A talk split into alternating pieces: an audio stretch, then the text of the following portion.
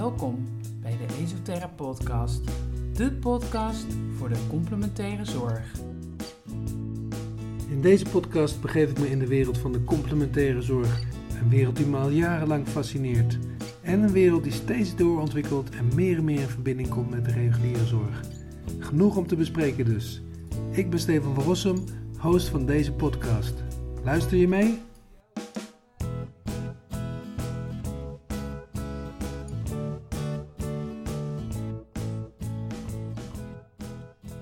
Ontzettend leuk dat je tijd hebt om eh, met mij over eh, één spier eh, te praten. En volgens mij hebben we iets van 212, hè? Dus wat is er zo bijzonder aan die ene spier de psoas? nou, om even in te gaan op wat je net zei, van we hebben de 212.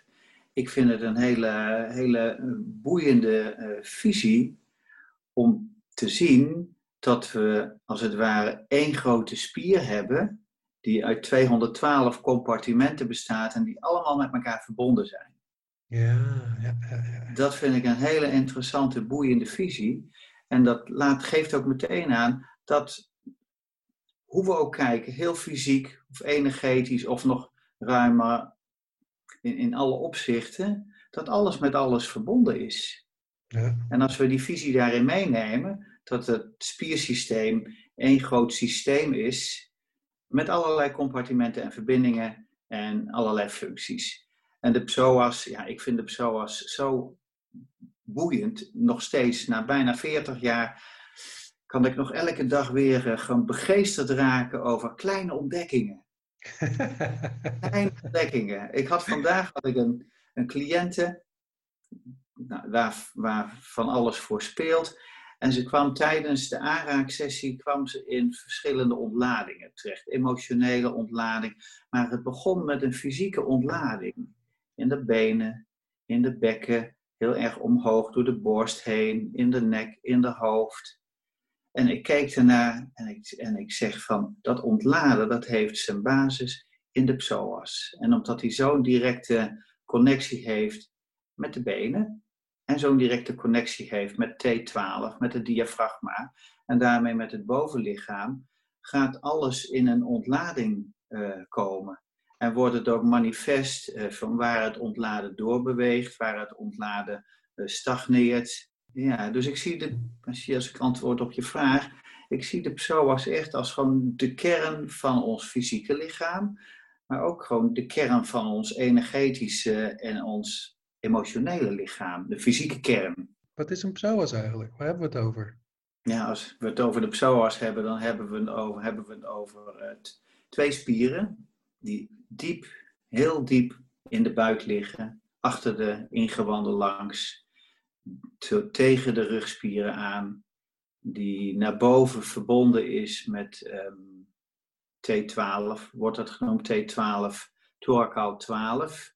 Dat is de wervel waar ook het diafragma aan verbonden is. En via de onderste rugwervels, de lumbale wervels, is die verbonden naar beneden toe. Dus er is een connectie door de hele onderste wervelkolom heen.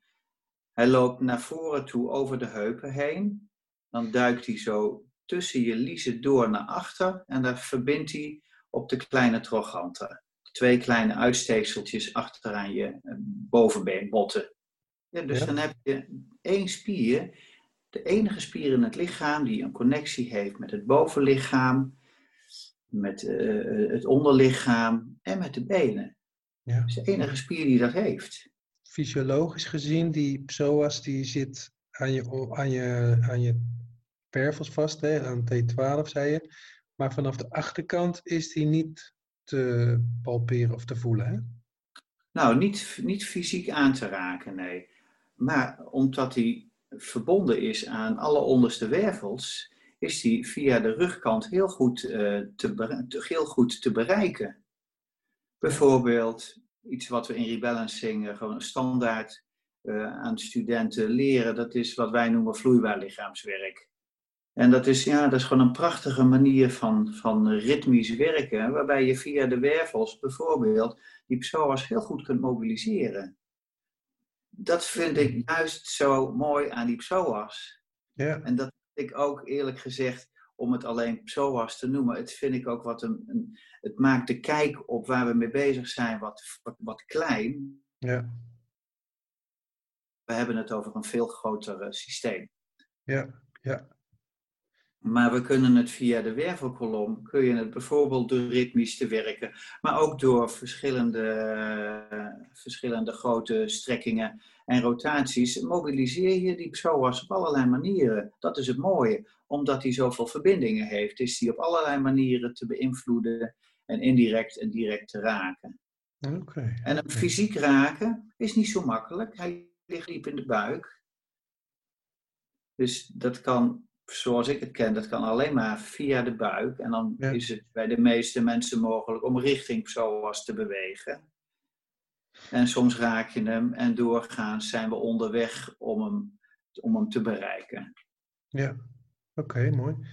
Ehm, maar goed, dat is de fysieke kant ervan. Hè? Ehm, eh, maar er zijn hele boeken over deze ene spier geschreven. En dat. Omdat er nog veel meer in die psoas of rondom die psoas speelt. Hè? Ik zie dat die psoas verschillende functies heeft. Een van de functies, de basisfunctie, fight, flight, freeze. Dat is waar hij ons bij helpt. Hij maakt ons klaar om eh er vandoor te gaan of ergens op af te gaan. En als daar eh, angst is of shock, dan gaat hij in een freeze. Dan kunnen we niet meer bewegen. En dan trekt onze energie omhoog uit het basischakra, uit de bekkenbodem, uit de benen. En dan kunnen we niks meer. Dan zijn we verlamd en immobiel. Dus dat is denk ik afhankelijk van wat voor karakter je bent. En ook ja, gewoon wat voor historie je hebt. Of je een type bent wat, eh, wat in de vechtstand gaat. Of dat je een type bent die gaat vluchten. Of dat je een type bent die, nou, die makkelijk in een freeze gaat. Ja, En daar hebben we, zoals ik het zelf zie en zoals ik het zelf ook ervaar, daar hebben we geen invloed op, primair. Dat is, is zo'n instinctieve functie. Dat het, het is een reflex, die doet zichzelf. Ja. En met bewustzijn kunnen we er natuurlijk wel eh, ontwikkelen, kunnen daar wel wikkels van af. Ja, Dat is van mijn ervaring en dat ken ik van veel cliënten. Dat kan wel degelijk. En energetisch, eh, ja, sorry, even iets anders. Want wat ik wou zeggen is van, ik zie die psoas ook als een soort vangnet. Hij heeft ook een functie om indrukken, emoties, eh, ehm, impact van allerlei situaties die op ons afkomen, om dat te absorberen. Maar als, dat, als daar iets van een overload of een overwhelm in zit, dan zal die dat oppakken. Of als een situatie traumatiserend is, of emotioneel, ehm, dat je daar emotioneel niet mee uit de voeten kunt, dan zal dat gaan vastzitten. ja, ja. Dan gaat die psoma, ik, ja, ik noem het, dan wordt een vangnet voor trauma, een vangnet voor niet verwerkte of onvoldoende verwerkte emoties en spanningen. ja, En ja, dat is, een hele, dat is een hele intelligente functie. Wat ons systeem en wat onze psyche niet aan kan, dat wordt geparkeerd. Onder andere in de psoas. ja. Tot er een situatie is eh, waar je bijvoorbeeld een individuele sessie kon doen bij jou of bij mij of bij iemand. Of waar je in een groepsproces bent. Of je komt in een situatie waar je je heel veilig voelt en waar je oprecht kunt delen wat er met je aan de hand is. En dat het dan los gaat komen. Want die psoas, heb ik wel eens gelezen, is, is een beetje eigenlijk de eerste spier die instinctief reageert Ja. eh, bij onraad, hè? of bij onheil, of bij, bij wat dan ook. En dan kiest hij onbewust, zeg maar, tussen vechten, vluchten of eh, bevriezen. Ja. En dat gebeurt natuurlijk al vanaf eh, de geboorte of misschien wel daarvoor. Ja, we kunnen moeilijk in die baarmoeder helemaal mee gaan kijken. Maar ik heb het vermoeden, ik heb het vermoeden dat in de baarmoeder die reflexen al, eh, al werkzaam zijn. Ja. Ja. En ehm, die spanningen, zoals jij het zegt, begrijp ik, hè? ze vangen het, dus die, die, die vangen dat op, maar die houden dat ook vast. Ja. Eh, en daarmee kan ook die, die spier natuurlijk heel gespannen worden. Ja, En wat ik, Zeker. wat ik me nog, toevallig hebben we vorige week weer eens aan mijn psoas gezeten. En wat ik toen weer merkte, zo, vind ik zo kenmerkend voor die psoas, is dat ehm, ja, je hoeft er eigenlijk maar tegenaan te drukken. Mhm. Dan ging ik hem alleen even opzoeken, weet je wel. En dan daarna voel, je weer, voel ik me weer zoals ik me voel als ik zeg maar heel nou ja, van, die, van, die, van die hele diepe emotionele therapeutische sessies hebt gehad of zo, weet je wel. Dat je even helemaal diep geraakt bent en even helemaal ook huh, even klaar mee bent of zo, hè? Ja, helemaal even... uit je doen. Ja, ja, uit je doen, ja. Uit je doen bent en dan kom je even helemaal in je zijn. En dat is vaak via ontregeling. Ja, ja, ja. Dat viel me zo wel op. En dan heb je echt even tijd nodig om weer even... Het was in de cursus, dus het was... Hè, maar dan heb je echt even tijd nodig om weer even... Ja, terug te stabiliseren. Ja, ja, te stabiliseren. Ja. Maar goed, als zo'n spier is aangespannen, wat zijn dan de gevolgen daarvan? Als je puur fysiek kijkt, dan kunnen de gevolgen zijn dat je een vreemde lichaamshouding krijgt of dat je in elkaar, wat in elkaar gedoken gaat zitten. En wat ja, een van de, van de grote gevolgen is onderrugklachten. Ja. Ik denk dat is wel het grote gevolg. Zoveel onderrugklachten zijn vroeg of laat terug te voeren op issues en spanningen in de psoas. Ja. En ik denk de basisspanning van de psoas is angst. Überhaupt de basisspanning, basisaanspanning is een angstreactie. Ja. De fysieke uiting van een angstreactie. Ja.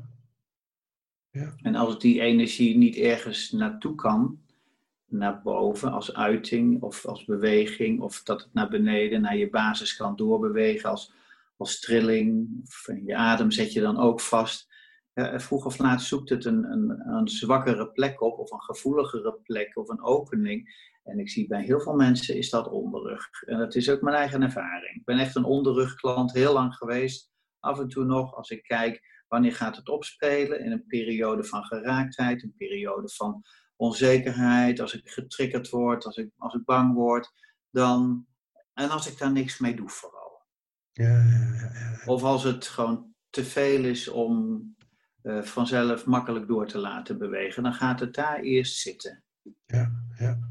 En de gevoeligheid die dat tot gevolg heeft, die dwingt mij dan om te vertragen. Ja. En door te vertragen in mijn bewegingen, ga ik het vanzelf beter voelen. Ja, ja. En ook al vind ik dat niet prettig, primair, dat is wel wat me helpt. Door bij het gevoel aanwezig te blijven. Ja, ik wou inderdaad vragen, hè? wat kun je doen aan een uh, gespannen psoas, maar... Uh... Van alles. Ja. ja. Ik denk zelf, het gros van de mensen, en sowieso de psoas zelf intern, is niet zo makkelijk te voelen is niet zo makkelijk. Moet je wel heel sensitief zijn en een goede voeling hebben, maar ook een goed, een goed, een goed beeld hebben van je innerlijke anatomie. Überhaupt om naar binnen te kunnen kijken en om het te voelen. Ja. Gos van de mensen, zoals ik het meemaak, heeft daar geen enkele voeling mee, heeft ook geen enkel besef van de samenhang van zo'n psoas-spanning en onderrugpijn, onderrugklachten, psoas-spanning en een hart wat afgeschermd is. Psoas-spanning en een derde chakra, een solar plexus, een diafragmagebied wat verkrampt is, wat dicht zit. Ja, ja. Of een psoas-spanning en een bekken wat verkrampt is en niet open is, en niet flexibel is. Ja, ja. Ik denk het is allemaal daarop terug te voeren. Ja. En wat het makkelijkst te voelen is voor mensen, ja, daar hebben ze contact mee. En ik denk ons werk als, als, als lichaamswerkers is om mensen te, te leren hun natuurlijke sensitiviteit weer terug te vinden. Het is niet weg, het is alleen toegedekt geraakt door hun leven en wat ze hebben meegemaakt in hun leven. Maar die natuurlijke sensitiviteit, die is onaantastbaar. Die kan niet weg. Nee kan alleen maar bovenop zitten. Kan alleen maar wat bovenop zitten. Ja, ja precies. Ja. Nou ja, ik ben zelf ook een onderrug uh, uh, klant, of hoe zeg je dat? Ik heb daar heel veel ervaring. Ja. Uh, dat is mijn, mijn, waarschuwingsplek, om het maar even zo te zeggen. Ja. En ik ben een paar keer in mijn leven echt door mijn rug gegaan dat ik er niet meer rechtop kon staan. Ja. En dat was inderdaad op hele ja, hoe zeg je dat? Defining moments. Uh, Bijzondere momenten. Dat ik, de eerste keer was toen ik net mijn eigen bedrijf was gestart. En ja, ik heb dat een beetje vertaald. Ik heb pas later ontdekt dat die psoas daar ook mee te maken heeft. Maar ik ging voor het eerst op eigen benen staan met mijn eigen Ah. bedrijf. Ja. En toen, daarna heb ik het nog twee keer heftig gehad in mijn leven. De, eerste, de tweede keer was toen mijn vader eh, overleed. Toen kon ik de volgende dag kon ik niet meer rechtop staan. Ja. Oh, wat een Ja, ja, ja. ja, ja, Mijn vader is net drie weken geleden overleden. Oh, gecondoleerd. Gecondoleerd. Ja, ja ik ben er oké mee hoor. Ja. En, de, en de derde keer was toen ik zelf vader werd. Toen ging ik ook door mijn rug. Ah, En mensen zeiden van, ja, je moet zo'n kind dragen. Maar dat weegt natuurlijk helemaal niks. Hè? Maar het was voor mij echt heel, heel goed te herleiden naar, eh, ja, opnieuw in het leven staan. Of op, hè, in het leven staan als, als vader of zonder vader. Dat soort dingen. ja, Dat ja. raakte mij in, in mijn kern. ja, En daar had psoas dus mee te maken, tenminste. Het hele, het hele, hele core-muscle-gebied. Hè? De, de Ja. onderste chakra's gaan natuurlijk over ook absoluut. vertrouwen. Over- En, Even vertrouwen, veiligheid, onveiligheid, gevoel, ja, ja, primaire emoties. Ja. De navelstreng die je hebt, le- lijfelijk, ook energetisch. ja, ja, ja. En ehm, hoe ga je daar als therapeut mee om dan? Als iemand, eh, als iemand behandelt? Als iemand behandelt met onderrugklachten, Ja, of als je die zo'n psoas gaat behandelen, hoe ziet dat eruit? Of hoe werkt dat? nou, dat is, natuurlijk, dat is natuurlijk heel persoonlijk. Ik heb daar, niet een, ik, heb- daar heb ik niet een plan voor. Nee, nee, Ik-. Eerlijk gezegd, ik heb nooit een plan van aanpak, van hoe ga ik het doen. Ik heb wel een goede kijk op hoe, hoe energie in het lichaam hoort te bewegen, wat natuurlijk is. Daar kijk ik naar. En van daaruit ga ik eh, te werk. Ja, en hoe werk ik ermee? Als ik je een beetje een idee geef van hoe ik een sessie begin, dan geeft het je ook wel wat een indruk van wat voor richting ik ermee op kan gaan. Mhm. Dus ik begin als ik iemand gewoon wat heb neergelegd op de tafel, zodat er wat meer een gevoeld contact is. Ik begin altijd via de nek, ga ik met mijn handen, schuif ik tussen de schouderbladen door, in rugligging.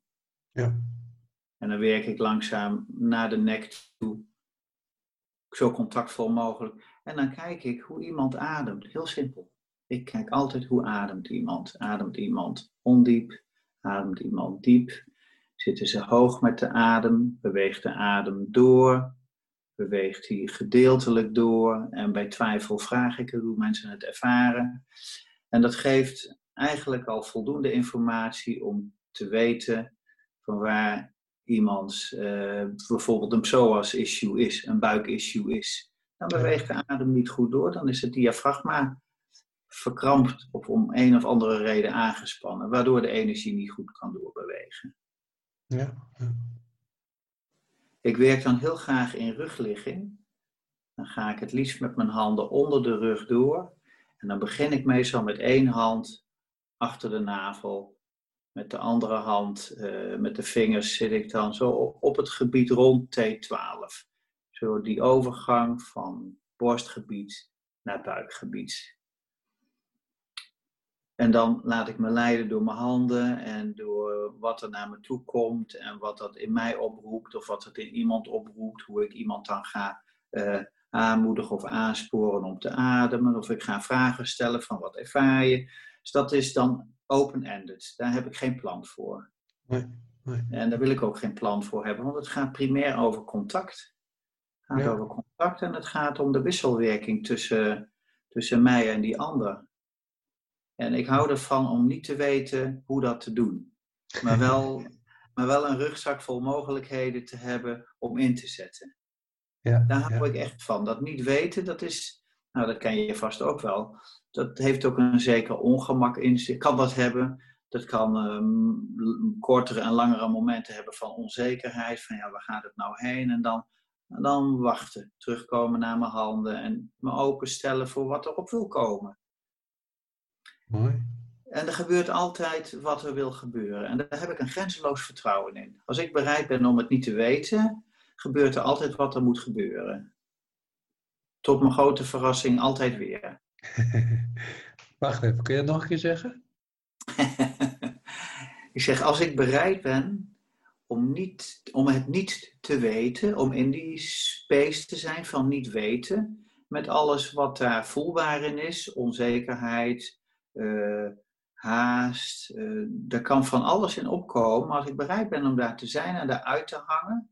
En ik heb mijn aandacht in mijn handen. Dan gebeurt er altijd wat er wil gebeuren. En ook als er niks gebeurt, dan is dat wat er wil gebeuren. Oh, Want dat niks, dat is ook iets. Dat is een heel potent iets, dat niks. Ja. Dan kan ik in mijn hoofd er wel denken van, nou, laat ik mijn handen maar verplaatsen, maar mijn handen willen dan nog niet weg. En dan bijvoorbeeld in één keer neemt iemand een hele diepe zucht. En ze beginnen iets te vertellen wat er opkomt. En dan denk ik van, is het niet wonderlijk? Is het niet wonderlijk? We weten het allebei niet. We zitten te wachten. Het is ongemakkelijk. En nu komt dit op. Wat een cadeau voor die persoon.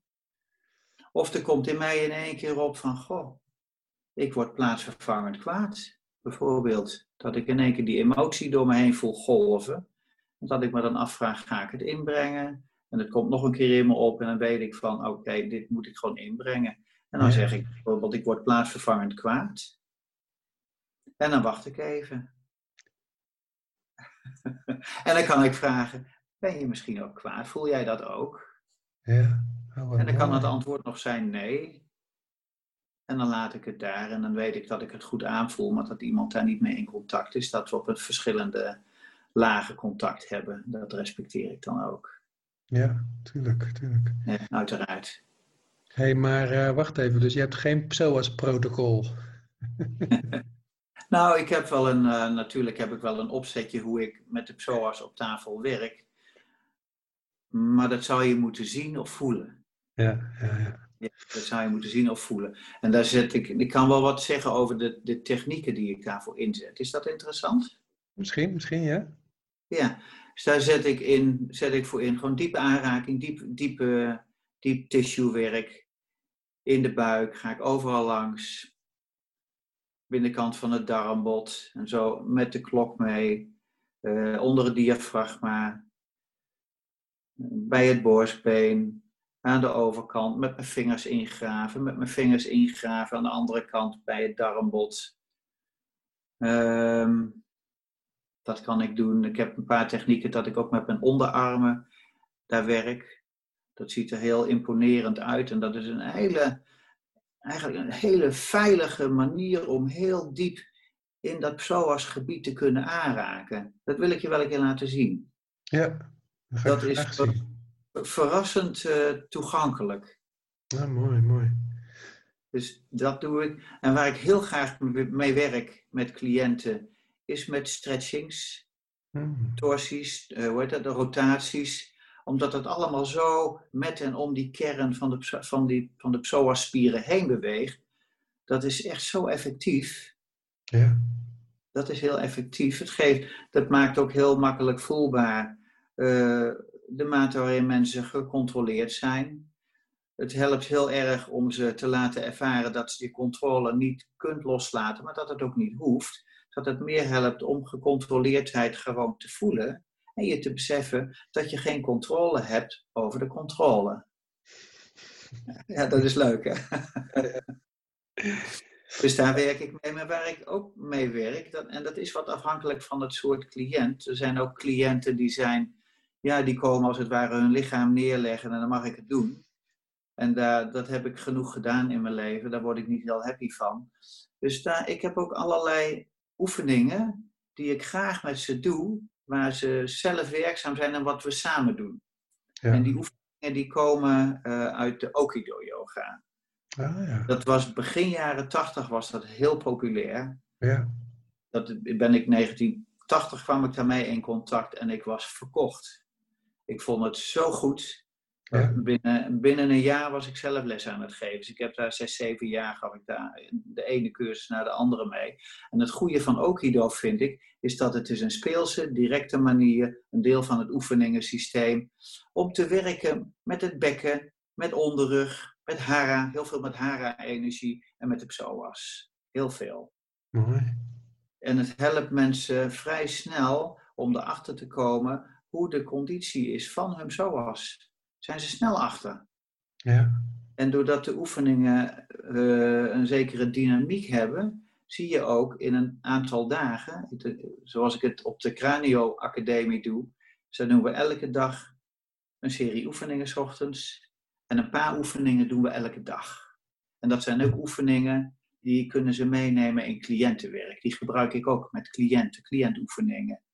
En dan zie je bij mensen dat ze op dag vier, en dat zeggen ze dan ook, het is verbazend hoe snel die psoas zijn, zijn, zijn elasticiteit en zijn kracht oppakt door die oefeningen. Ja, ja, ja. Ja, dat wil ik natuurlijk graag. Daar ben ik, ik ben er vooral op uit om, om mensen aan te bieden wat voor ze werkt. Ja, mooi. Ik vind het leuk om te doen, maar ik heb ook graag dat het werkt voor ze. Ja, ja, ja. Wauw, wat een mooie dingen zeg je. Ehm, ik wil even een paar dingen terughalen hoor. Want ehm, nou ja, ik vind het leuk dat je het hebt over onzekerheid. Hè? En, en aan de andere kant ook van vertrouwen. Ik, ik merk ehm, dat ik daar soms mee stoei. Of tenminste in de loop van mijn carrière heb ik eigenlijk wel een beetje geleerd dat dat juist een grote kracht is, hè? die onzekerheid. Ja. Hoe werkt dat voor jou? Nou ja, als ik onzeker ben, dan ben ik uh, niet in control. Ik ben liever wel in control, laat ik eerlijk zijn. Maar tegelijkertijd, als ik onzeker ben, dat, dat, heeft onzekerheid, als ik dat meer energetisch voel, ja, dat is ook een staat van openheid en het nog niet weten. Ja. En mijn hoofd, uh, nou, ik heb niet zo een hoofd wat het zo hoeft te weten, inmiddels niet meer. Mijn hoofd kan zich daar goed in laten rusten, in dat gevoel van onzekerheid. Ja. Zeker als ik werk met mensen of als ik aan mezelf werk, mijn hoofd is niet zo bezig met het te weten. En die onzekerheid, dat is meestal de ingang naar een dieper voelend aanwezig zijn. Ja, mooi. Nou ja, als je onzeker bent, tenminste als ik onzeker ben, dan ben ik ook heel erg aan het aftasten. Hè? En dat is, dat is natuurlijk ook de kracht Precies. ervan. Ja. Ja, ja, ja. Ik, ik weet niet of jij dat hebt. Ik kan ook met een cliënt bezig zijn dat ik echt geen, nog geen idee heb van waar gaat het naartoe of wat doe ik nou eigenlijk. En dan kan ik dat ook, als, als dat wat blijft hangen, dan komt er doorgaans wel in me op om te zeggen van, ik voel me wat onzeker, ik weet niet zo precies, uh, ik weet het niet zo goed. En dan komt er altijd wel iets achteraan. Als ik daar open in ben van, van goh, hoe is dit of dit of dat voor je? Of uh, kun je me vertellen hoe je het ervaart wat we doen? Ja. En dan blijkt meestal dat die afstemming wel klopt, dat die onzekerheid er al is in het grotere veld en in de interactie met die cliënt. Ja, ja, ja. En dat door het te benoemen, dat het daar ook meer manifest wordt en bewust wordt. Nou, wat leuk om te horen, ja. Nou, toevallig... Ja, wat, ja sorry. Ja, wat ik ook altijd weer... Weet je, in, met sessies, ik hou ervan om mezelf in te brengen. Niet omdat ik mijn verhaal kwijt hoef, maar omdat ik uh, A, zo van mensen merk hoe fijn ze het vinden dat we, ja, dat we gewoon gelijk, gelijk zijn. Ik sta er niet boven. Nee, we zitten allemaal, we hebben allemaal ons leven. En ik heb die, in die rol werk ik met mensen. In mijn rol. En maar ik kom dezelfde dingen tegen die iedereen tegenkomt. Dus dat maakt, geeft een herkenbaarheid voor ze. En dat maakt het ook makkelijker voor zich om zich te openen en om zich kwetsbaar op te stellen. Ja. Ja. Dat, dus ik breng, kan mezelf inbrengen als het dienend is voor de ander. Niet omdat ik mijn verhaal kwijt moet. Nee, precies. Als een, als een, ja, als een middel, zeg maar. Niet voor jezelf. Ja. ja, dat is een gereedschap. Um, nou ja, ik, weer een paar dingen. Ik, ik um, even overnieuw. Nou, die onzekerheid. Ik, toevallig vorige week vroeg nog iemand uh, of ik na hè, zoveel jaar uh, in dit vak bezig nog, uh, nog steeds onzeker ben. Ik, ja, ik zei ja. ja. Ik heb er alleen niet zoveel last meer van. Dat is het verschil, hè? Ja. Het oordeel. Het oordeel gaat eraf, ja, inderdaad. Dat en in dezelfde sessie hadden we het ook eigenlijk over, um, ja, inderdaad, wat jij ook al zei, over resoneren, over delen wat jij voelt als therapeut als je met iemand mm. bezig bent. Hè? Dat, dat kan ja. ook een krachtige ingang zijn. Hè? Die kan soms zelfs mensen ja, als een soort bijna spiegel dienen die ze nog niet zien of zo. Ja. Ja, een van de, een van de manieren waarop specifiek ik werk, moet ik even iets zeggen over hoe in rebalancing, tenminste de rebalancing school zoals ik hem lang heb meegemaakt, er was toch wel een tendens van om mensen niet uh, om niet de helderziende te spelen. Ja. En dat vind ik ook een goede zaak, want dat kan echt een ego worden. Ik ken het en ik hou er niet van. Maar tegelijkertijd, ik hou er wel van om het beestje bij de naam te noemen. Als mij iets opvalt of ik ga iets heel primair voelen. Uh, ik breng dat graag in. En dat kan, ik kan heel stellig zijn. Dat kan me in de, in, de, in de groepen kan me dat wel eens voor de voeten geworpen worden. Jij bent zo stellig. En zeg ja, dat klopt. Ik ben stellig. Ik durf de dingen wel te zeggen. Maar ik zal altijd zeggen van, herken je het ook? Dus ik vraag altijd aan om de herkenning. Ik ga niet de helderziende uithangen. Ik breng in wat me opvalt, of wat ik voel, of op een andere manier waarneem. En ik vraag, herken je dat ook? Klopt het ook wat ik zie of wat ik zeg? Dus ook weer een middel om die ander uh, tevoorschijn te laten komen. Ja, ja. Nou, dat, wat, wat je zegt over helderziende vind ik wel relevant. Hè? Want je, je hebt natuurlijk ook van die mensen die zeggen van ja, eh, ik voel heel veel boosheid bij jou. En als je dat dan ontkent, dan, uh, dan ben je nog in de, in de ontkenning inderdaad. Hè? Of dan, ben je niet zo ver, ja. Dan ben je nog niet zo ver, ja. Dat komt nog wel. ja, ja, ja, ja. Ja, dat is tricky business. Dat is tricky business, ja. Dat is de ego. Ja, nou, begrijpelijk hoor. Dat is, het kan ook voor mensen, als ze dat ontdekken, dat ze een en ander aanvoelen van anderen. Dat kan ook, uh, ja, dat is natuurlijk heel uitnodig om, daar wat mee te willen. Dat snap ik ook wel. Nou ja, ik had het laatst in een andere podcast over, dat was dan met energie voelen. En ja, ja. Het is aan de ene kant hartstikke leuk dat je het kan voelen, maar je moet het wel weer vertalen naar hoe kan ik het inzetten dat, dat de cliënt wat mee kan. Hè? Altijd, ja. altijd, ja. Ik heb jaren geleden heb ik bij Byron Katie haar opleiding gedaan, eh, de School for the Work. En een van de dingen die ze zei en die me, die me echt triggerde, dat was van, je kunt andere mensen niet voelen. Je kunt alleen maar jezelf voelen. En nou, jaren, dat, ik beaam het volledig. Ik kan, het, ik kan wel in mezelf voelen. Dat kan ik wel. Ja. Ja. Ik kan ook in mezelf voelen wat er naar me toe komt. Maar ja. ik voel het. Ik voel het niet bij die ander, ik voel het in mezelf. Ik heb wel de helderheid uh, in het werken om onderscheid te maken wat van mij is en wat niet van mij is. En dat is ook waar we mee moeten werken natuurlijk. En die, dat onderscheid, daar moet je wel naar beste kunnen helder in zijn. Dat, ja, zeker. Mooi. Je had het ook over werk op de buik. Hè? Nou ja, sowieso de voorkant is uh, allemaal wat, uh, komt allemaal wat intiemer binnen of wat, wat persoonlijker binnen hè, bij de mensen. Ja. Hoe ga jij met zo'n buik om of met zo'n zo kwetsbaar? Nou, heel, altijd heel respectvol.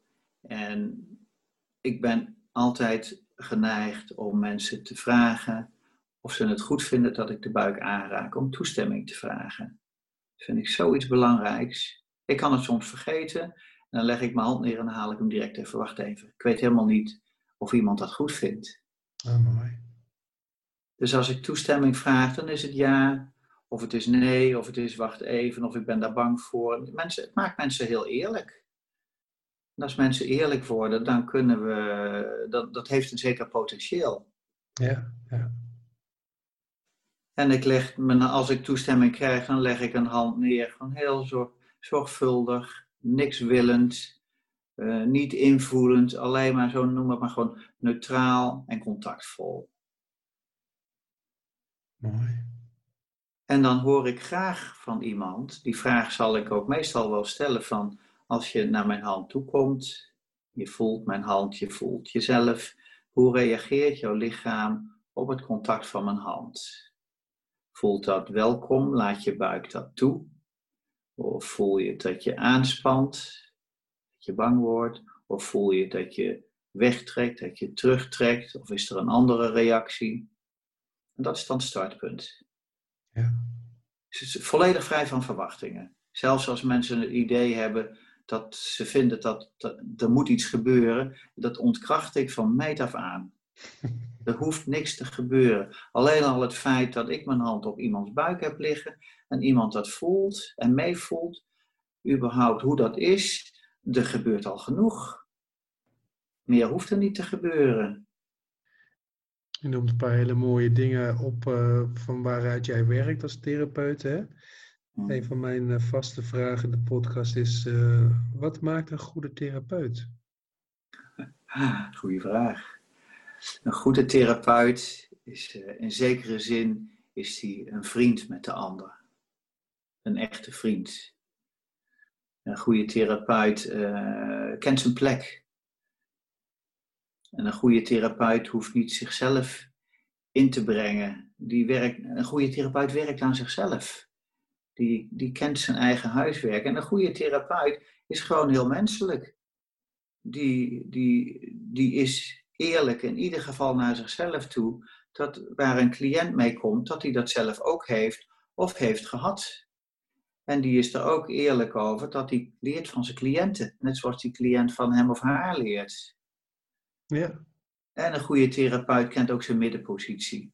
Die kan, die kan tegelijkertijd heel goed bij zichzelf zijn en in, en in de verbinding met die ander. Dus die creëert zonder iets te doen ook een veld van veiligheid, en van warmte en van liefde en van toestemming en een veld van oordeelvrijheid. Klinkt allemaal heel bijzonder, maar het zijn allemaal hele gewone menselijke dingen. Ja, ja, ja. Maar uh, wat bedoel jij dan met een vriend? Een met een vriend? Nou ja, gewoon gelijkwaardig. Het is een, ja, weet je, ik moet, ik, dat breng ik toch even in. Ik weet nog in de tijd dat ik bij Osho was, was er een van zijn sannyasins, die stelde ook een vraag over therapeutschap. En daar ging die uh, diepgaand op in. En een van de ik heb hem nog wel voor je, even los van de podcast. Ik heb die opname, heb ik, die kan, dat moet ik, uh, nou, dat komt wel een keertje, daar moet ik even aan herinnerd worden, dan zorg ik dat je die opname krijgt. En wat die, een van de dingen die die zegt van is, don't think in terms of helping people. Ik dacht van, potverdorie, daar zeg je wat. Dat leren we allemaal, dat leren we, dat heb ik geleerd, dat heb jij geleerd. We leren om mensen te helpen. En hij zegt van doe dat niet, ga geen mensen helpen, want je creëert een ongelijkwaardigheid. En dat wordt in de maatschappij al gedaan. Dus dan ga je iets, um, hoe zeg je dat, herbevestigen wat al gaande is in allerlei soorten relaties. Dus zie, zie die ander als een vriend. Zo noemde hij het letterlijk. Befriend the other. Ik dacht van dat is heel mooi, dat doe ik eigenlijk al. En dan vraagt het wel, ja, natuurlijk een soort wakkerheid uh, dat je niet iemands vriendje wordt of iemands maatje. En dat je, hoe ik met mijn plek kennen, bedoel ik ook van, ik ga niet met een cliënt uh, uit eten of ergens een kop koffie drinken. Die scheidslijn, die is duidelijk. Gaan we niet doen. Ja. Ik weet niet of jij het wel eens hebt meegemaakt. Ik heb wel meegemaakt dat er seksuele avances waren richting mij. Of dat ik zelf gevoelens had voor een vrouw. En dan weet ik ook van, wat fijn om te voelen en daar hoef je niks mee te doen. Ja. Sterker, daar doe je niks mee. Ja, ja, ja. En als een vrouw dat naar mij had, ik, of, of verliefd, verliefdheid, ik heb daar echt goed mee leren omgaan door het te waarderen. Wat, mooi. wat mooi dat je dat voelt en het is jouw gevoel. En ik heb die gevoelens niet. En als jij dat voor mij kunt voelen en het is jouw gevoel, kijk, dat zou je ook voor jezelf in kunnen zetten als je hier komt. En die vrouw die komt tien jaar later nog altijd. Ja. Die heeft dat, ze, ze, maakte, ze kon die klik maken van het was haar liefde.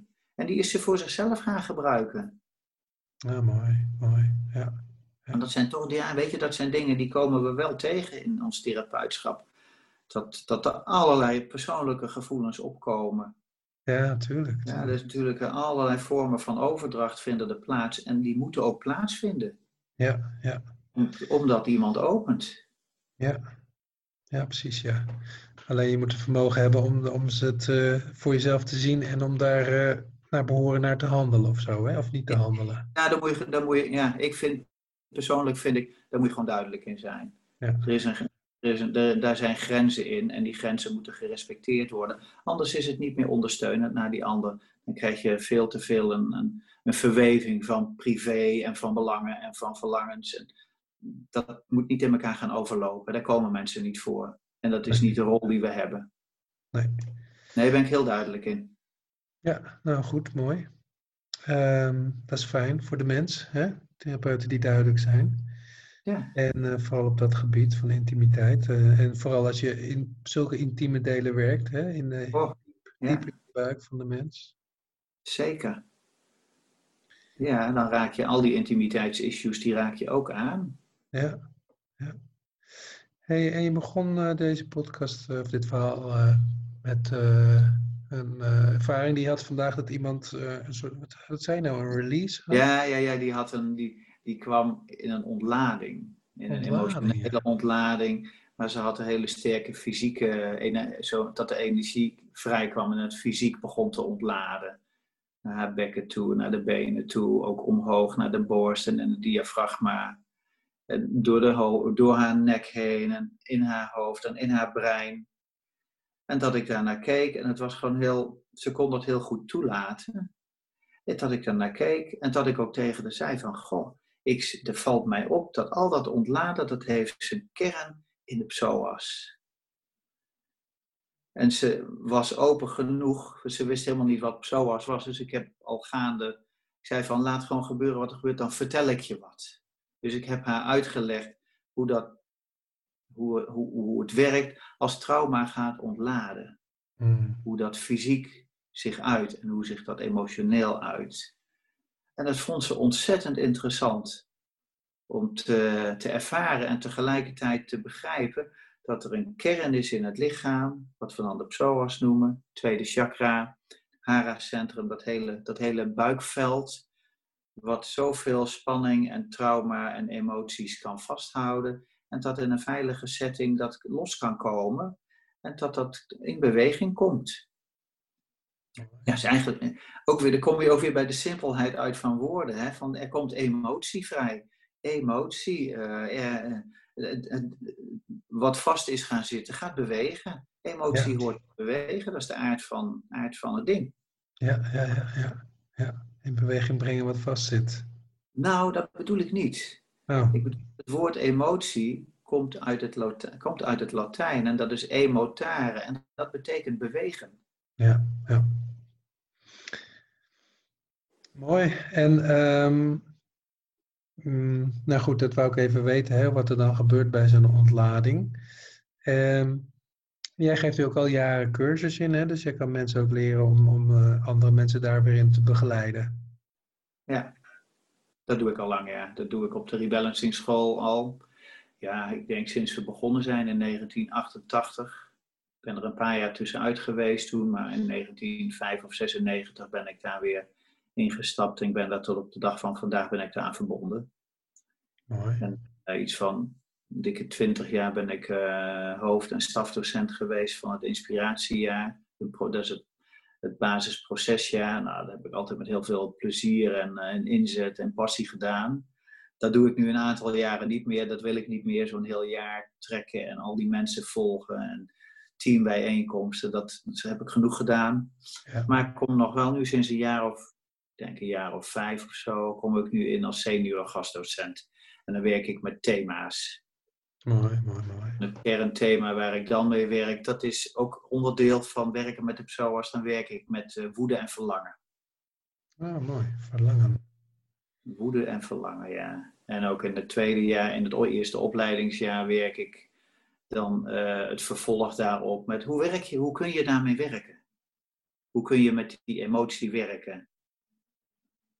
Met lichaamswerk, met ademwerk, met verschillende, verschillende tools. Ja, oh, mooi. mooi. Ja. Hey, um, je bent al ook al heel wat jaren therapeut volgens mij. Uh, sinds, nou, ik werk met mensen sinds 1982. Wauw, toen, toen dat was ik wat 12. Meer, dat ik wat meer, toen was je 12. Ach, keeltje.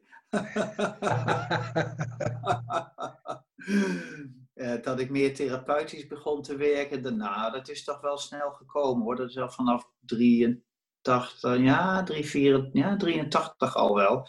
Maar toen had ik natuurlijk nog niet zoveel vaardigheden en inzicht. Maar ik had wel de drive. Ja. Dus ik ging daar wel voor. Ja. Ik deed, ja. in 1980 deed ik mijn rebirthing training. Oh ja, heel leuk. 1980.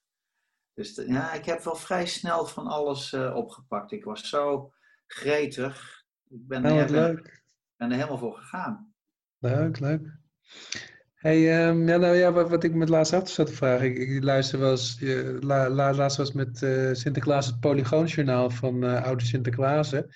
En dan zie je toch eigenlijk dat zo in zo'n, nou ja, volgens mij 50 jaar, dat de stemmen, uh, hoe mensen praten, dat dat heel erg veranderd is. Hè? Die polygoonchinaals die praten heel nasaal en dergelijke. Oh, interessant. Zie je ook een soort, in jouw carrière al een, een soort ontwikkeling of tendens van de mens?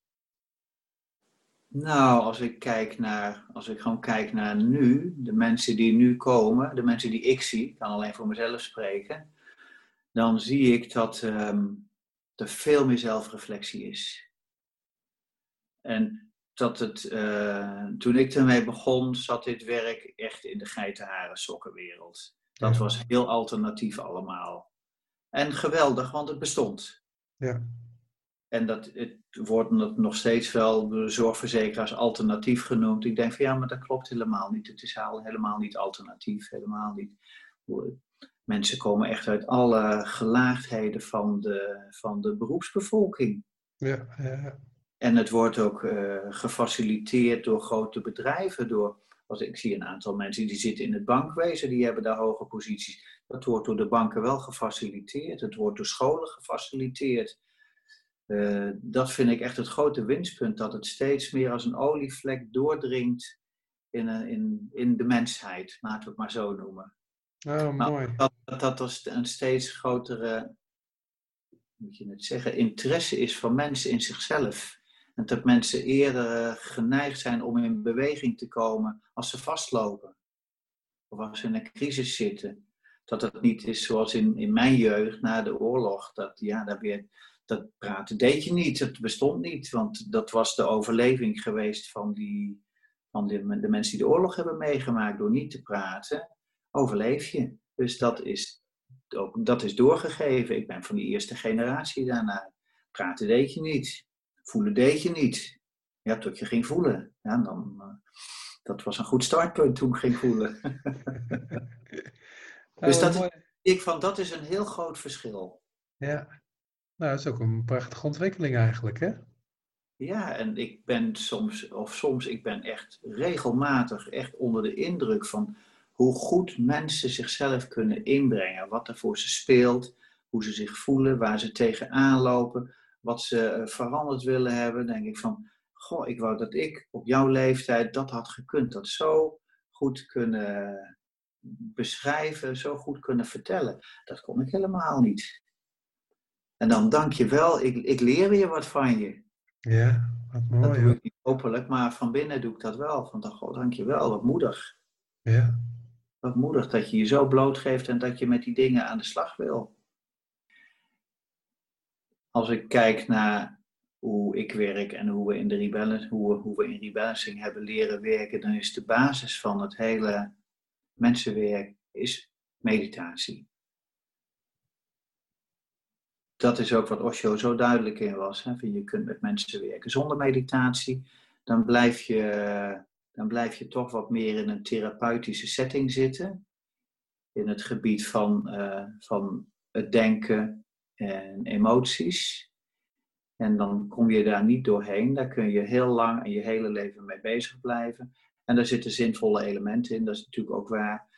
Nou, als mensen iets gaan oppakken van meditatie, meditatietechnieken of een meer meditatieve zelfreflectieve houding, dan, zijn, dan is het werken met uh, gevoelens, emotie, is uh, gewoon een ingang naar een dieper zelf.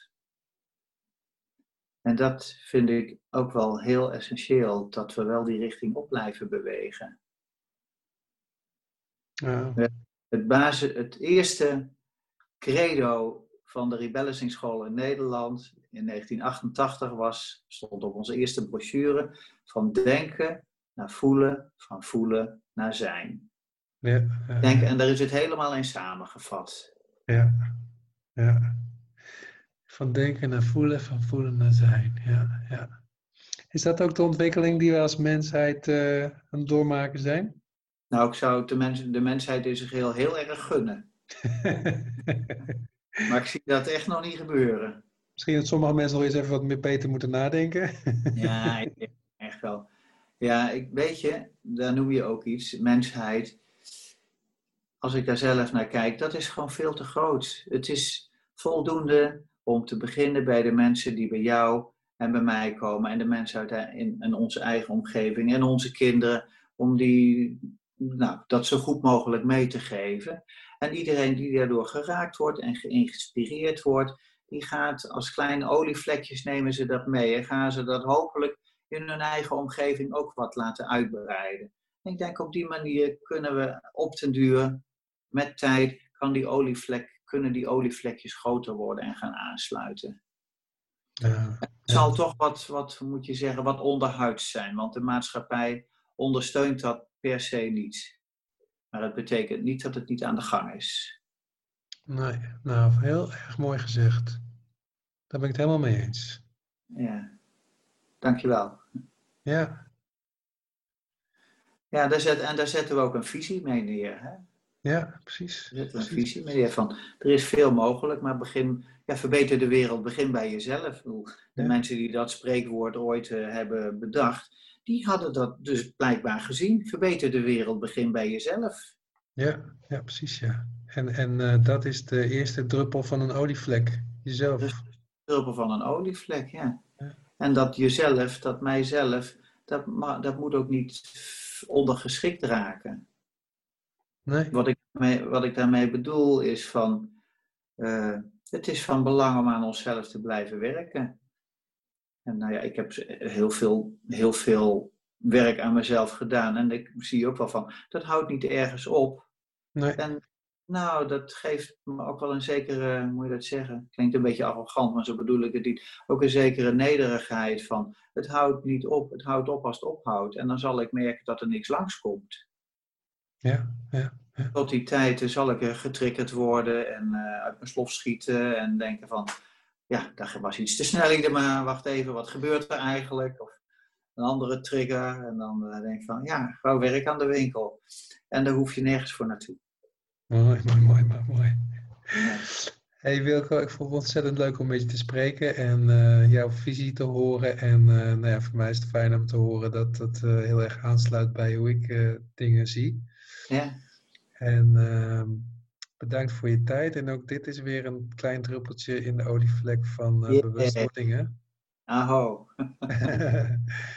dankjewel, dankjewel. Yeah. Hartelijk dank voor het luisteren naar de Esoterre podcast. Deze podcast is te beluisteren via Soundcloud of Spotify. Als iemand kent die het ook wil horen, geef het SWP door. En heb je nog tips, opmerkingen? Laat het me weten. Dankjewel.